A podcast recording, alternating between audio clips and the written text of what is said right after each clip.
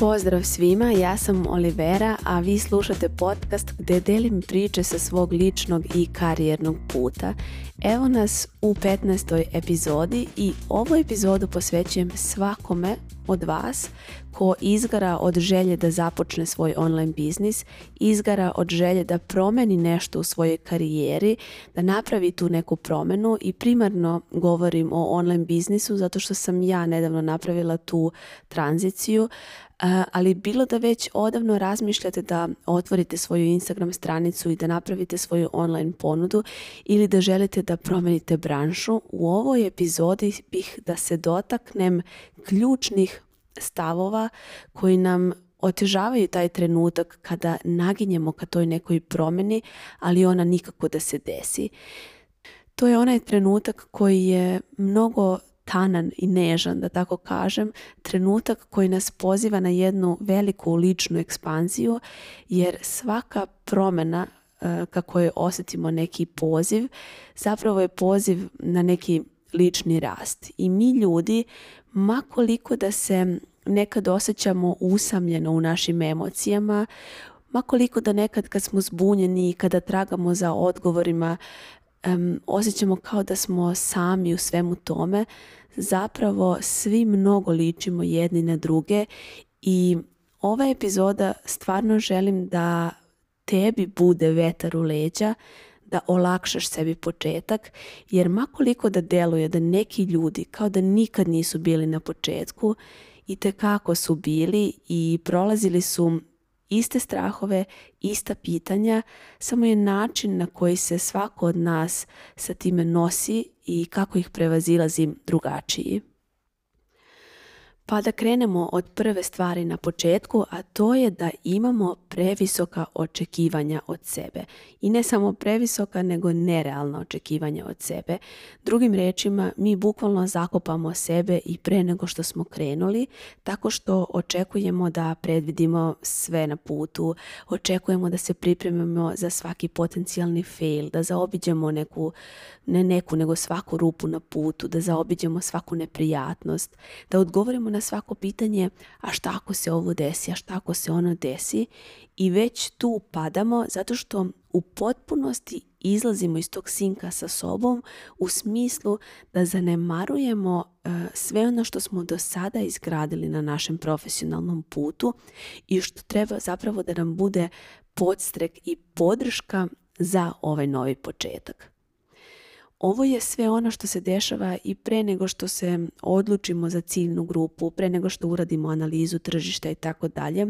Ovo je onaj trenutak kada odustajemo pre nego što smo sebi dali šansu da poverujemo i da probamo, jer imamo previsoka očekivanja od sebe, imamo te neke standarde koji su za takav jedan trenutak u kom nam treba podstrek i treba nam hrabrost, zapravo potpuno apsurdnim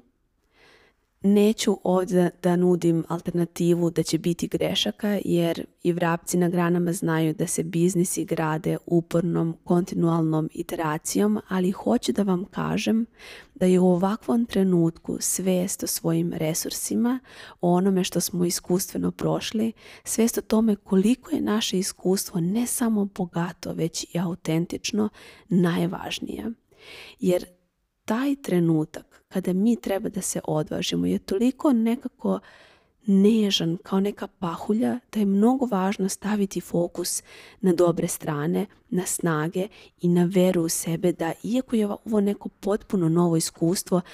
da možemo, da smo kadri da prođemo kroz njega na jedan fluidan i čvrst način. Druga stvar vezana za nerealna očekivanja je ne gledati hiljadu koraka unaprijed, već se fokusirati na prvi korak. Dakle, šta je ono što ja danas mogu da učinim da se pomerim sa ove tačke na sljedeću tačku i koji je najmanji korak koji danas mogu da napravim. I taj najmanji korak ujedno treba da bude na neki način i što jednostavniji, kako bismo samo što lakše izašli iz tog lupa da smo na početku iz tog identiteta da ne znamo šta da radimo, ne znamo koji je naš naredni korak, da izađemo iz tog identiteta i da bukvalno samo iskoračimo u tu neku novu sliku o sebi koju pravimo. Sad kad smo malo osvestili sve što imamo, mnogo je važno da prihvatimo i trenutnu životnu situaciju u kojoj se nalazimo. Jer mi možemo da imamo i sve resurse ovog sveta, ali ako imamo bebu koja i dalje sisa na dva sata i umeđu vremenu uglavnom spava na našim grudima, neću da kažem da je nemoguće, ali je teško i možda negde nije baš moje stav nije baš u skladu nekako sa prirodom jer je taj majčinskim identitet predominantan, da se sad nekim turbo tempom pozabavimo našim biznisom.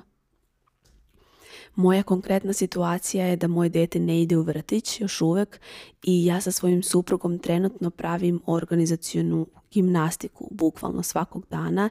i to je bukvalno umetnost organizacije da uspemo da se posvetimo svim našim obavezama, hobijima, svemu što nam je važno i ovo sada stvarno iskreno pričam, zato što nemam apsolutno nikakvu pomoć u Beču, ali zato moje radno vrijeme nije uslovljeno mojim raspoloženjem. Ovu epizodu opet snimam u 10 uveče jer prosto svesna sam da sutra neće biti prostora za to i sad je pravi trenutak da podelim ovome što će nekome od vas možda služiti.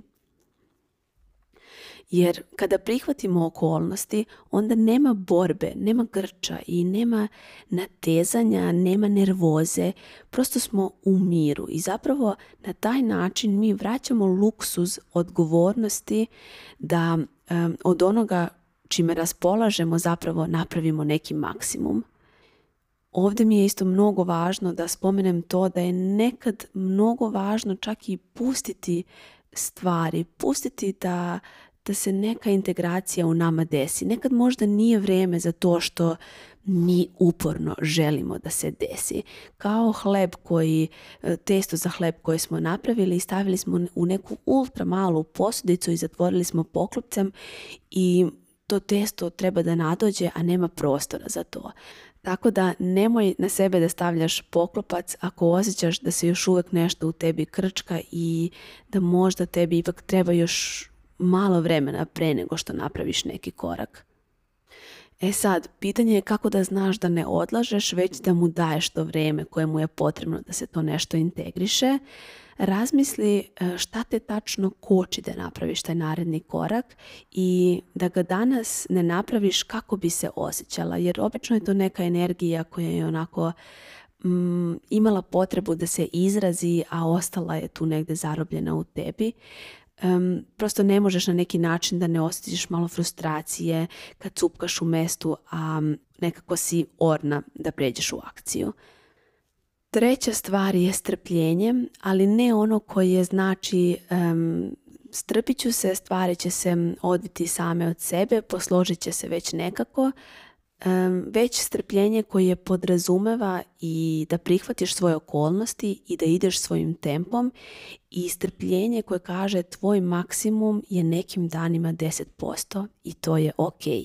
Ali i kad imamo samo tih 10%, biramo da se pojavimo kao profesionalci sa tim kapacitetom koji imamo mnogo je važno da ne idemo na taj sve ili ništa stav jer niti je održiv za naš zdravlje, niti je podržavajući za naše ostale uloge, niti je, niti je održiv za naš biznis. Jer ako jedan dan daš sve od sebe, a onda dva dana za redom ti se desi, ne daj Bože da beba ima temperaturu, onda ćeš da budeš isfrustrirana i odustaćeš. Mnogo je lepo kada žena nauči da bira, da elegantno pleše sa svojom sezonom života,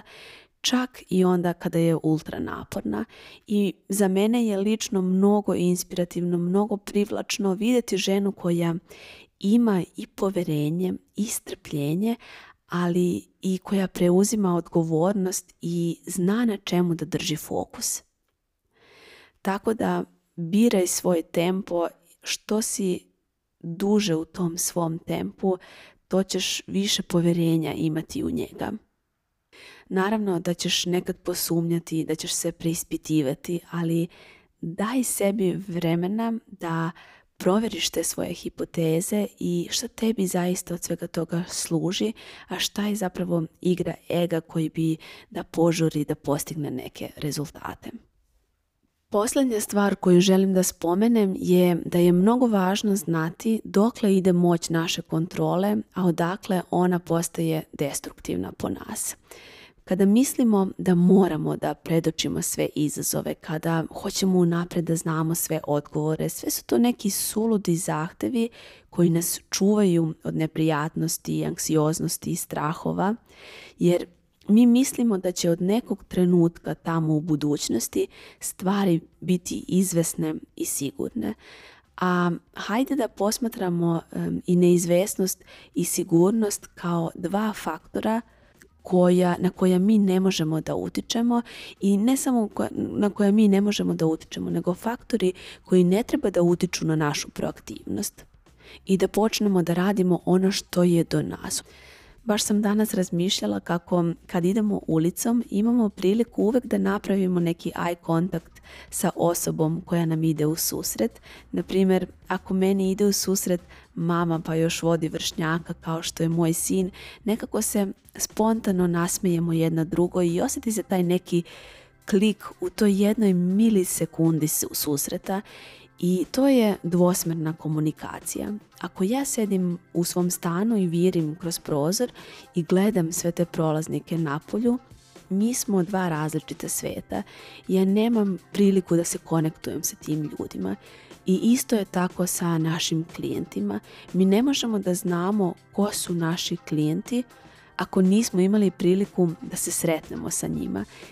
i jednako važno, ne mogu ni oni da znaju da li smo mi idealan mentor, coach, trener za njih. Prosto da li je naša usluga adekvatna za njih. Jer isto kao što mi treba da doživimo naša klijenta, tako isto i on treba da doživi nas. E, zato je potrebno da što pre izađeš na ulicu, to jest na teren i uživaš u nečemu što radiš prvi put. Posveti se svojim tempom i rezultati te neće zaobići, ali moraš da kreneš zato što na sva ta pitanja na koja tražiš odgovore u svojoj glavi dobit ćeš ih kroz iskustvo. Nadam se da će ti ova epizoda služiti. Hvala ti puno na slušanju i do naredne sedmice budi mi dobro.